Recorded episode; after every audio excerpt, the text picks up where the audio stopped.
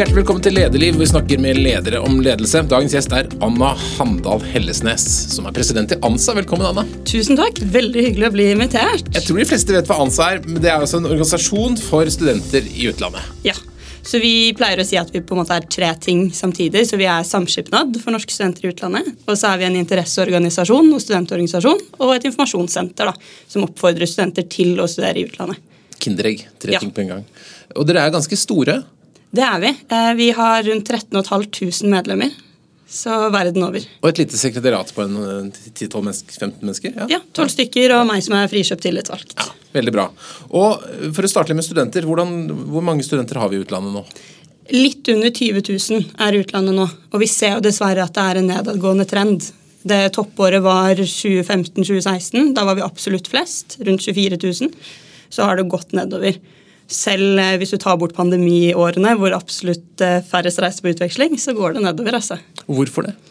Det vi ser er jo at Gjeldsbyrden til norske utenlandsstudenter har økt veldig. Så det blir jo mindre tilgjengelig når du må påta deg en såpass høy gjeldsgrad. Og så er det en særlig nedgang i USA og Storbritannia, som man kanskje også kan se opp mot eh, samfunnsendringene i USA og Storbritannia. Det er jo de to mest populære landene. Så når de da har en nedgang, så merker man jo det på tallene generelt. Hvilke studier er det det er hvilke, ja, hvilke studier studerer, Hva studerer man mest i utlandet? Det er mange som studerer medisin. Eh, Så er det også mange som tar eh, eh, samfunnsfag, økonomi. Finans er veldig populært. Og også teknologiske og IT-fag. da. Hva tenker dere er verdien med at folk studerer i utlandet?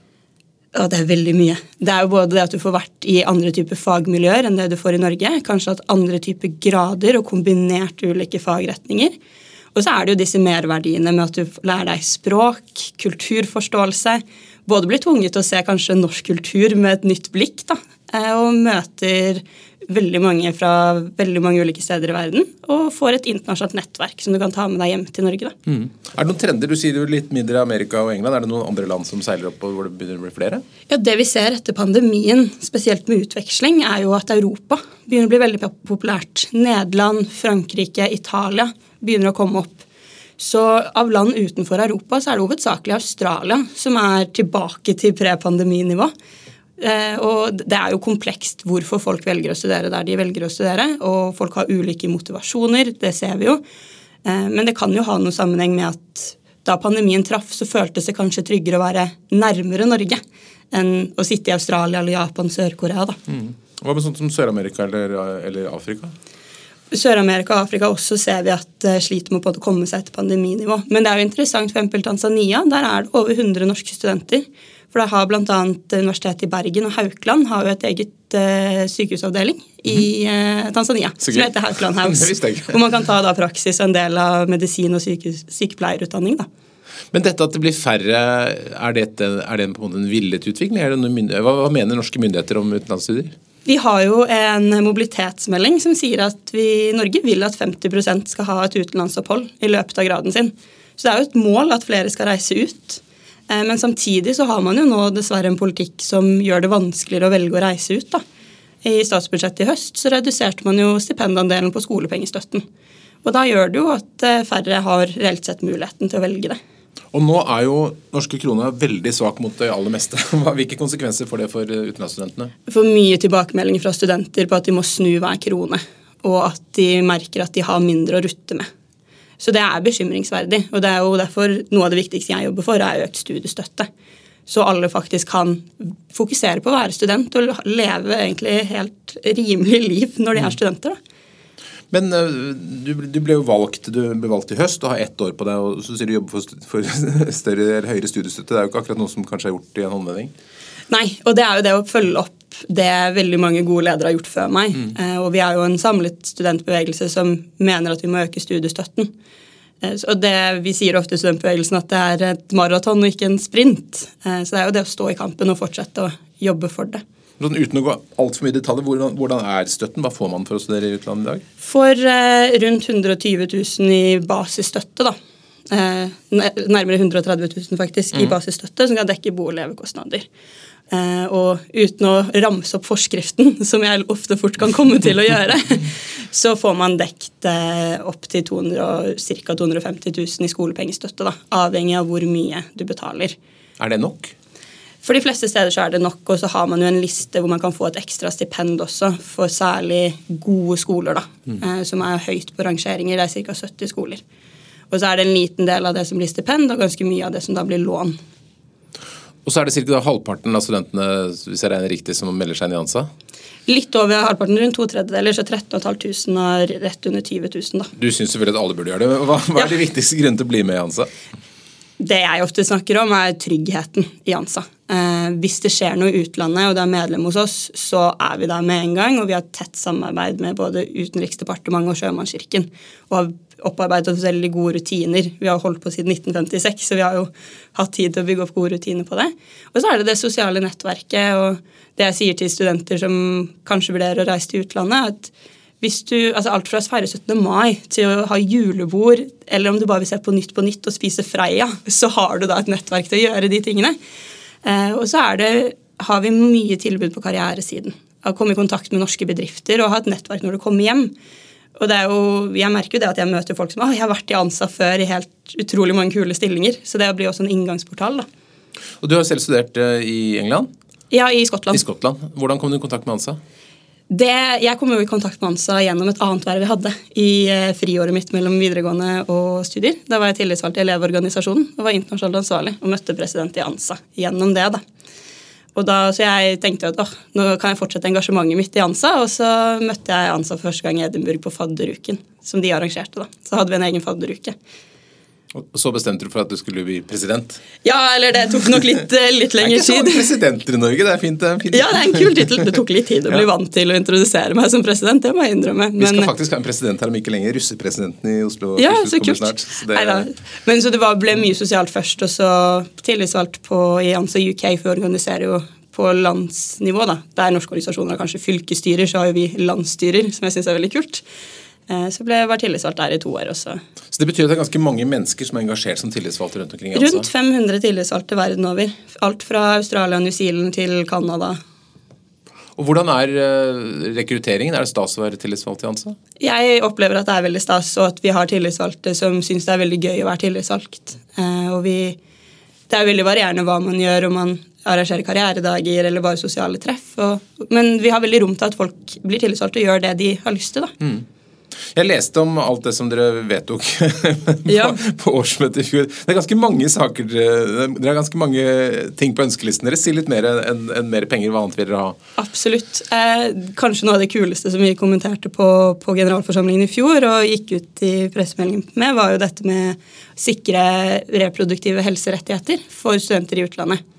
For der ser vi jo dessverre at eh, i flere land hvor vi har mange studenter, som Polen, USA, Brasil f.eks., så er det en bevegelse for å innskrenke reproduktive helserettigheter. Det, det høres litt sånn kryptisk ut, dette med abort? Ja, abort og mm. prevensjon. Mm. Og det å sikre det på en trygg måte. da, hvor vi og det har vært viktig for meg at når vi jobber med det forslaget, at man ikke skal sette tillitsvalgte i en situasjon hvor de bryter lokal lov, men heller at man klarer å ivareta rettighetene til det jeg ser på som egentlig helt banale menneskerettigheter. At du har tilgang på de tingene. da. Mm. Men det er ikke lett, for det er ikke alle andre som ser på det som Nei, så det, det, er en utfordring, men det er en sak vi jobber med. da. Hvordan jobber du med det? Nei, Da ser vi på ulike løsninger på hvordan vi kan, kan få til å sikre det. da. Om man kan se på om man kanskje kan sikre mulighet for at man kan reise hjem til Norge. Eller, ja. Mm. Men det er det å ivareta tryggheten til våre tillitsvalgte og ivareta tryggheten til medlemmene våre. da. Hva annet er det brenner for? Vi ønsker jo å, at flere skal ha muligheten til å reise ut, mm. både på videregående eh, og på, på utveksling, og også ta helgrad. Eh, og dette med godkjenning og anerkjennelse når man kommer hjem. Eh, og der jobber jo vi en del med å legge til rette for at norske studenter selv også kan kommunisere da, den, de ferdighetene de har fått når de kommer hjem, men også at arbeidslivet skal anerkjenne at det er en merverdi, men også se at ok, de har en grad fra det universitetet, det er et godt universitet, og kanskje ikke bare velge det, det trygge norske som man kjenner til fra før av. Opplever du at det blir anerkjent i dag, det man har studert ute? Det er jo et veldig bredt arbeidsliv, så det er vanskelig å si både ja eller nei. Mm. Uh, men opplever at det, vi får tilbakemeldinger begge veier. da. Mm. Og så er det jo, jobber vi mye med dette med helseutdanninger. da. Uh, og at det skal være så sømløst som mulig for de som tar medisin i utlandet, å komme hjem til Norge. Ja, For der har det vært litt utfordringer? Ja, og der, der trenger vi, vi trenger jo den arbeidskraften. Vi har jo en utfordring med fastlege, f.eks. Så der uh, jobber vi bl.a. med en konkret sak i Danmark Man skal godkjenne det som heter klinisk basisutdannelse i, Norge, i Danmark opp mot eh, LIS1, som er første del av spesialisthelsetjenesten eh, i Norge. For det var en del utenlandslegestudenter som var ganske stressa en stund? Ja, altså det, i hvert fall fra Danmark så har man hatt en utfordring hvor man mm. opplever at man må gjøre ting dobbelt opp. da. Mm. Og det å da kunne godkjenne det her har du gjort i Danmark, da kan du komme inn i Norge, og vi anerkjenner den kompetansen du sitter på som kandidat. da. For det er jo gode kandidater. Hvordan opplever du gjennomslagskraften til ANSA når du kommer til norske myndigheter og politikere? Jeg opplever at vi blir tatt veldig seriøst, og at vi blir, tatt, eh, blir sett på som en seriøs aktør. Eh, nå er det jo litt utfordrende med en politisk ledelse i Kunnskapsdepartementet som Eh, har vedtatt noe i f.eks. Hurdalsplattformen, altså regjeringsplattformen, og gjør det helt motsatte. Eh, og også da de var opposisjon på Stortinget, vedtok at man skulle ha studiestøtteordninger som legger til rette for at alle kan velge utdanning i utlandet. Eh, og også på spesielt dyre og gode læresteder. Men så i statsbudsjettet reduseres stipendandelen. Så det er litt utfordrende når man har den dualiteten, da. Hvorfor tror du det er sånn? Begrunnelsen deres er jo at det er trangere økonomiske tider, og at man ser på hvor man må redusere eh, pengebruken til Norge. Og Da jo, tenker vi at utdanning er alltid en investering. Og det er jo interessant når man, all den tiden man sier at eh, vi kommer til å gå tom for folk før vi går tom for penger, at vi da ikke bruker de pengene på å investere i folka. Er det flest eh, bachelor- eller masterstudenter som er ute? Det er flest bachelorstudenter som er ute, som tar hele bacheloren. Men det er også mange som tar f.eks. bachelor i Norge og tar hele masteren i utlandet. Har du noe, det, anbefaler dere noe? Er det noe som er bedre enn noe annet? Nei, Det er helt opp til enkeltindividet hva de ønsker. Og der er jo, igjen, Vi er et informasjonssenter, så kan man jo snakke med oss om de ulike mulighetene man har. da. Men det er jo nok mange som tar bachelor i Norge, reiser på utveksling og litt sånn som meg, blir bitt av basillen og da ønsker å reise videre ut etterpå. Mm. Er det slik at de fleste norske universiteter og høyskoler har et samarbeid med, med tilsvarende ute? Absolutt. De fleste universitetene i Norge har, eh, har utvekslingsavtaler. Så det, det, er jo varierende fra institusjon til institusjon da, hvor mange de sender ut. Mm. Men der ser vi at det er noen utdanninger hvor det er lettere også for studenter å reise ut. Dette engasjementet ditt, det, du, du, sier at du startet med Du har vært holdt på å si tillitsvalgt før. Når, når, tok du første gang et lederverv? Var du i barnehagen? Eh, ikke i barnehagen, nei. var vel elevrådsleder på barneskolen. da. Det var vel der det begynte. Og så ble jeg litt bitt av den Jeg eh, har sagt bitt av basillen en gang før, men eh, møtte eh, Man hadde noen sånn felles samlingsarenaer for elevrådsledere. Og det å kunne se liksom samarbeid på tvers eh, som leder, da gjorde at ok, det er, det er flere muligheter her. og så møtte jeg Elevorganisasjonen ganske tidlig og så at oi, det, det engasjementet jeg har som i elevråd, da, det er en del av noe veldig mye større. Og det satte jeg veldig pris på. Så det er nok det å ha vært en del av noe større og liksom en bevegelse da, som har engasjert meg ganske egentlig hele, hele veien. Trives du med liksom å kjempe for verv? Jeg er ikke noe veldig sånn valgkampjente og fan av det. Eh, jeg, er glad til å stille meg til disposisjon, og så syns jeg det er utrolig hyggelig å få den tilliten. Og så er jeg opptatt av å forvalte den tilliten på en god måte. Mm. Hva føler du at du har fått til? Har du liksom vært med på noen sånne saker hvor dere har fått en seier, enten i denne rollen eller tidligere? Jeg har jo vært med på noe statsbudsjettgjennomslag i Elevorganisasjonen, som var veldig veldig gøy. Um, og så er jeg litt sånn, jeg er litt sånn rutinemenneske, så det å bygge opp strategier og se at de blir brukt når man gir fra seg vervet, det er veldig kult. Og det at man klarer å legge til rette for at de som også kommer etter deg, da, i hvert fall i organisasjoner hvor jeg har vært i, hvor det er høy utskiftning av mennesker, mm. det å da klare å legge til rette for at de kan også blomstre, de som kommer etter deg, det har vært veldig kult å se. Nå sies det jo at liksom, det politiske engasjementet blant unge ikke er så veldig stort. Det er få unge som stiller til kommunestyret osv. Hva er din opplevelse? Jeg tror nok det er noe Det er jo riktig det som blir sagt, at det er øh, færre på en måte som gjør det, eller at det er få som på en måte stikker hodet ut. og det det jeg har sett er jo, og det handler jo kanskje litt om hva man møter av reaksjoner når man først stikker hodet ut. Og jeg har vært veldig heldig med at jeg ikke har møtt veldig mye eh, dritt i kommentarfeltet og de tingene der. da. Så, sånn sett så har jeg vært veldig heldig og kanskje ganske skjermet. Mm. Men jeg har jo veldig forståelse for at det blir en ekstra barriere. Så all kudos til de som stikker hodet ut og står i det. Og så er det viktig at vi har gode systemer på plass. og rundt de, og at vi også tar et felles ansvar for at det skal være greit å mene noe, og greit å ytre seg, og greit å være aktiv i politikken. Føler du at det er, kanskje enklere å, å, å stå for en uh, sak som ANSA enn å fronte et parti? Kanskje? Ja, det kan, kanskje er interessepolitikken. Det, det, er vanskelig å uttale meg for jeg har aldri vært i partipolitikken. Så det er vanskelig å si liksom 100% men kanskje. Hvordan jobber du for å, for å skape engasjement, liksom for å dra med deg folket? Jeg er veldig opptatt av å være, være tilgjengelig for, mine, for, både medlemmer og for tillitsvalgte i organisasjonen. Og så eh, har jeg brukt litt tid på å reise rundt og besøke medlemmene våre. Eh, og det, jeg, det er jo litt rart å komme dit, og de syns det er så stas at jeg kommer fra Oslo. men det blir jo også en bekreftelse på at det er viktig å gjøre det, og møte de eh, jeg representerer og skal lede. Og så er det jo de historiene jeg får høre fra våre tillitsvalgte, jeg tar med meg til Stortinget. Mm. Så når de sier, forteller om inflasjonsnivå, om svak kronekurs, strømkrise, gasskrise, så er det jo de tingene jeg tar med på Stortinget. Eh, og det, når man da får gjennomslag, så er det litt ekstra kulere når man har vært et lag om det. Mm.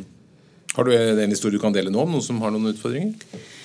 Det er jo dette med, med, kronekursen som har vært mye oppe nå. Men i, men i, høst så ringte jeg rundt til alle lederne våre. og Da var det to ting som gikk igjen. Det var det å komme seg eh, etter pandemien. For der har jo vi måttet forholde oss til restriksjoner som har vart lenger i enkelte land.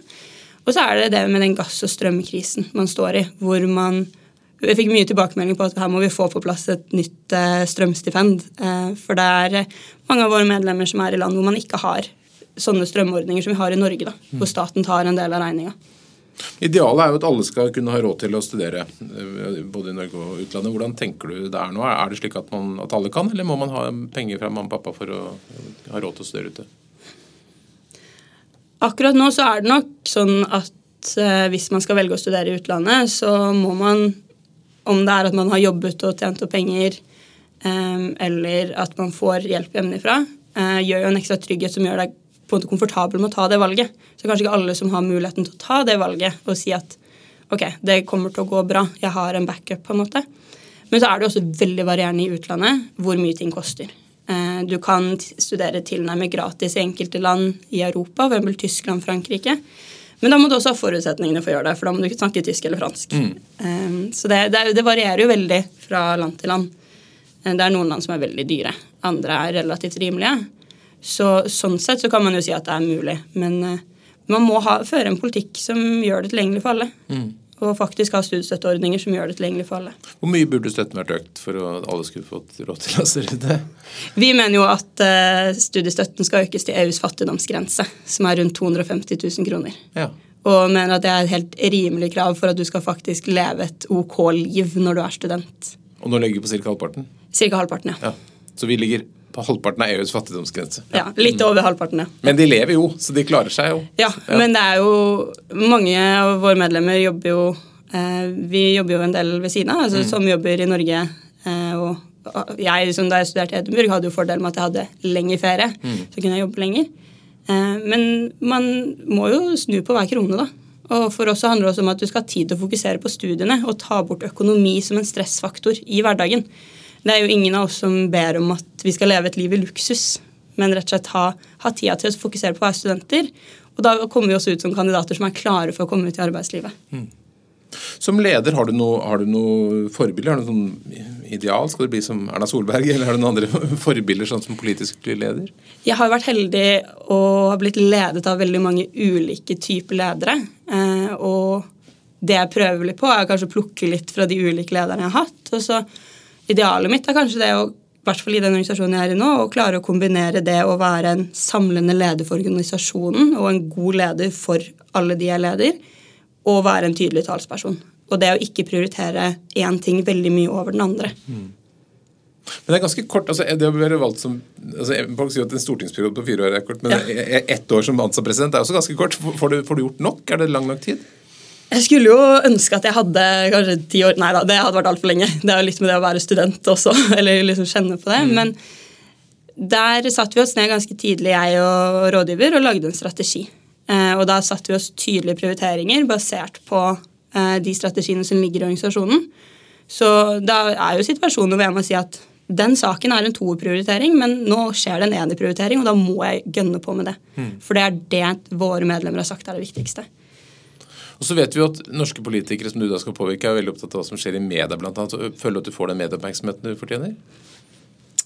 skulle jo alltid gjerne vært mer i media. Men vi ser jo nå i våres så Det som er kult, er når man får en sak på trykk, og så begynner ting å balle litt på seg. Vi hadde sak om eh, kronekursen og blir ringt opp av eh, stortingspolitiker som er nå stiller jeg spørsmål til statsråden. Skolenes landsforbund gikk ut og sa at de støtter kravet vårt om fattigdomsgrensa. Og det er veldig veldig kult. Så vi ser jo at når vi er ute, så får vi også en del oppmerksomhet. Mm. Hva er det viktigste du har lært så langt, som du tenker at, ja, som har blitt gjort, at du har blitt bedre til å være en liten politisk leder? Det er så mye jeg har lært. Eh, det å tørre å bare gønne på har kanskje vært det viktigste, og det var et råd jeg fikk veldig tidlig, men tok litt tid å faktisk bli komfortabel nok i det. Eh, men det husker jeg at det var en tidligere president som sa til meg at du må bare tørre å ta avgjørelser og stå i dem. Eh, men var ganske tidlig veldig redd for å gjøre feil. Og så kjenner man på at jo, men nå er jeg så redd for å gjøre feil at nå gjør jeg ingenting. og da blir jo det helt feil igjen. Ja. Så det å tørre å bare kjøre ut den saken og stå i det og heller evaluere og gjøre ting bedre neste gang, da. Hva er det du tenker er vanskelig i den rollen? Hva er det du grubler på? Det er jo litt det med tid da, og prioriteringene. Var det riktig prioritering? Eh, og også det å, å, være menneske oppi alt dette her. Eh, og klare å være liksom et menneske og stå i det og være så trygg i de tingene man gjør, at man ja, være komfortabel i det òg. Mm. Er det gøy? Fantastisk gøy. Det er, eh, jeg får ofte spørsmål fra familie og venner sånn Hvordan ser en arbeidsdag ut? Og så er det sånn Jeg har ikke en standard arbeidsdag. Ehm, det er, eh, det er jo drømmejobben. Mm. Og det å kunne ha en arbeidshverdag som er fra å diskutere budsjett internt til å gå på Stortinget og møte altså alle de menneskene jeg får møte også. Fra studentprestene våre til medlemmer til politikere. Det er, ja, det er fantastisk gøy. Men Du studerte historie og politikk i Edinburgh, og, det, og du har jo da vært uh, ungdomspolitiker tidligere. og nå har du dette. Er, det, er dette en slags sånn tydelig karriereløp for deg for å bli en politisk leder? Jeg trodde det tidligere, men nå ble jeg veldig glad i historie. Så det er nok planen videre, å gå historieretninga heller. og så er jeg oppdaget jeg er veldig glad i det dypdykket og det liksom å gå faglig inn i ting. Og det er nok historiedelen i meg mer enn politikeren. Ja, For det er litt utfordring. Du, du, du, må gjøre veldig mange ting samtidig? Ja. Eh, så noen av de dagene hvor jeg kan sitte og bare Nå skal jeg lese den offentlige utredningen. Det er veldig, veldig deilig. Eh, men da blir jeg også en bedre leder når jeg har det faglige på plass. Og så har jeg heldigvis et sekretariat som har utrolig mye god faglig kunnskap. Er det å si, Finnes det ANSAR i alle land? Er det, er det noe som alle, alle, land har? Vi har noen tilsvarende organisasjoner i Sverige og Danmark som vi jobber litt med. Eh, men de er ikke samme størrelse som ANSA på den måten. Men eh, det er få organisasjoner jeg har vært borti som gjør det samme som det vi gjør. Ofte så er eh, utvekslingsstudenter en del av den nasjonale studentorganisasjonen. Mm. Så dere har ikke noen eh, egentlig noen forbilde som dere strekker dere mot? Nei, og så er vi, vi har en europeisk paraplyorganisasjon som heter European Students Union. hvor vi er observatørmedlem. Så vi jobber jo litt der. Men vi har ikke noen sånn paraplyorganisasjon for ANSAR da, verden over. Det har vi ikke. Mm. Du snakket litt om trygghet og helse og for studenter ute. Er folk bevisste nok på hva de trenger? altså hva, hva, Av forsikringer og medlemskap? Og, er, eller er det gambling blant ungdommen? Jeg opplever at veldig mange er bevisste på det. Eh, og vi tilbyr jo også en studentforsikring til våre medlemmer. Eh, men det er jo litt av fordelen med å ha ansatt, da, er at da, det er litt av poenget at vi tar jo litt det ansvaret også. sånn du skal dra og ha det gøy og kose deg som student. Og hvis uhellet er ute, så er vi der mm. og kan støtte opp om For vi vet jo at ting skjer på en måte i utlandet. og Det har blitt en sånn ryggmargsrefleks som jeg lurer på hvor lang tid tar forsvinner når jeg er ferdig. er jo når det skjer noe i verden. Så mm. først jeg gjør, er å sjekke hvor mange studenter har vi der. Ja. Hvordan skal vi reagere? Eh, men, men det er en ryggmargsrefleks organisasjonen har. altså. Men du sa eh, historie kanskje mer enn politikk, men samtidig så har du fått en, en ledererfaring. Ser du for deg at du kommer til å fortsette å lede ting videre i livet? Hvis muligheten byr seg, så skal jeg jo ikke se bort ifra at jeg på en måte stiller til andre lederverv, men akkurat nå så er planen en master i historie og gå videre den veien, og kanskje doktorgrad. altså. Det, men jeg syns jo det er veldig gøy. Men mm. eh, jeg vil nok aldri lede bare for å lede, på en måte. Hvilke, hvilke, gode råd har du fått underveis som du liksom har satt pris på? Det å faktisk ta pause. Og det er jo litt av den utfordringen med at man bare sitter et år, så vil man jo gjøre alt. Um, både tidligere ledere jeg har hatt, har vært tydelige på det at det er så viktig å ta pause. Og så er det også gode medarbeidere som sier det at vet du hva, nå drar du hjem fra kontoret, for da presterer du bedre i morgen. Mm. Det er veldig, veldig viktig. For det, det, er ingen som har tjent på at man blir utbrent. Og, og det å, å, bruke folkene rundt seg, både de man jobber med dag til dag, um, og, og tillitsvalgte verden rundt, men også tidligere, tidligere ledere. Det, det, var den tidligere president som sa, at nå, nå, står du på skuldrene til alle presidenter. På godt og på vondt, da. Men uh, du, du skal jo forvalte en rolle, men også vi er her. Og det har de absolutt vært. Det føles, veldig, jo føles litt tungt å skulle stå på skuldrene til alle og være liksom en del av en sånn stor kjede. Ja, Men det er jo når man minner seg selv på det, så er det jo også veldig kult. Og så gjør det jo litt de der eh, sommerfuglene i magen og de nervene gjør at man presterer bedre også. Mm. Eh, og det, jeg snakket faktisk med mamma om det etter jeg var på stortingshøring nå på mandag. Eh, og da var jeg sånn, Det var deilig å kjenne på de nervene. Og da var hun sånn, ja, Den dagen du mister de, så kommer du til å slutte å prestere. Mm. Er det noen ting du føler at du kommer til å klare å få igjennom, som liksom kommer til å stå igjen etter dette året? Jeg har jo et håp om at vi skal klare å få økt studiestøtten, og at man, den jobben vi legger inn nå, ser vi resultater av i statsbudsjettet til høsten. Og har jo forståelse for at det å doble, nesten doble studiestøtta skjer jo ikke på ett år. Eh, men også om organisasjonen, eh, når på en måte jeg er ferdig, ser at ok, vi, det er rom for å diskutere politikk. Vi har blitt mer bevisste på at vi også skal diskutere politikk. Eh, og og igjen litt sånn Har vi fått gode rutiner på plass for disse tingene her, så, så kan jeg si meg fornøyd, på en måte. Mm. Eh, så man har jo alltid liksom disse veldig store ambisjonene, og så er det eh, de mindre tingene sånn Ok, er utenlandsstudier nevnt til denne stortingsmeldingen som kommer? Eh, kommer en melding om profesjonsstudier. Klarer vi da å få inn dette med at det skal være lettere å reise på utenlandsopphold på profesjonsstudiet? Det, det hadde vært kult. Mm. Hvordan er norske studiestøtte i forhold til andre land? Hvis vi skal sammenligne med Sverige og Danmark, så er det Der er jo eh, Og jeg lurer på om jeg så at du hadde hatt eh, Morten, tidligere administrerende direktør i Lånekassen innom, så kan nok enda litt mer om det enn meg. Men eh, der er det det er ulikt oppbygd egentlig generelt hvordan studiestøtten fungerer i andre land.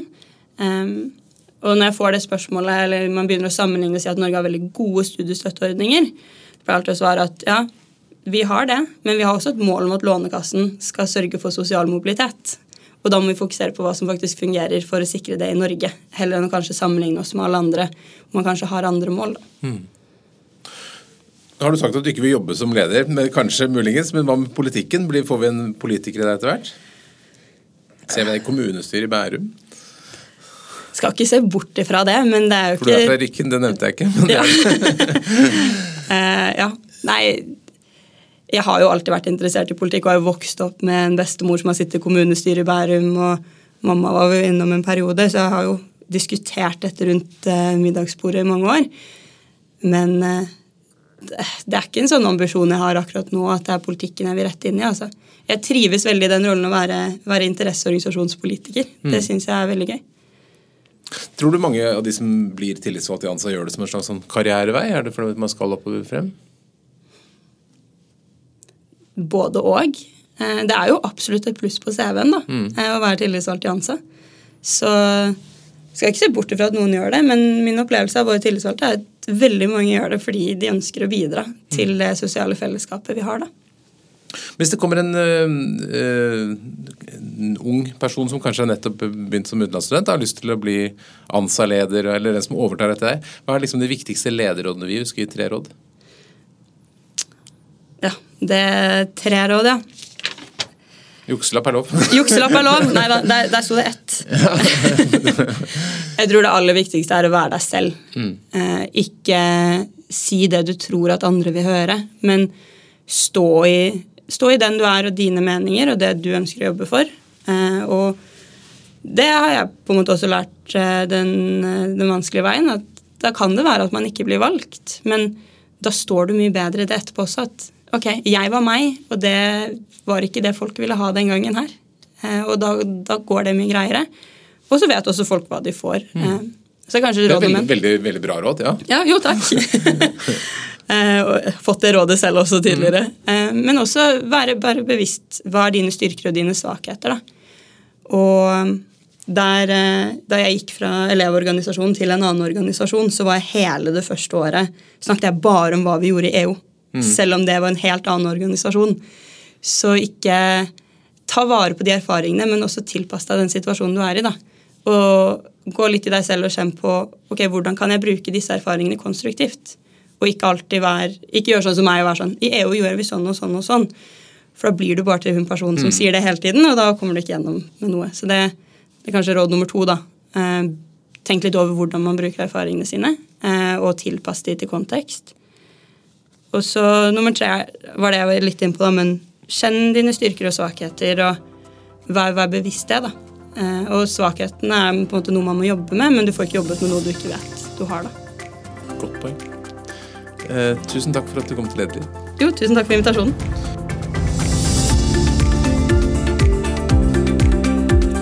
Takk for at du lytter på Lederliv, som er en podkast fra Apeland. Redaksjonen består av Ingrid Hogneland, Johanne Eidsvoll, Lars Jarle Melum og meg som heter Ole Kristian Apeland. Og vi er veldig takknemlige for ros, ris, tips som leder eller hva du måtte ønske, til e-post ole at apeland.no.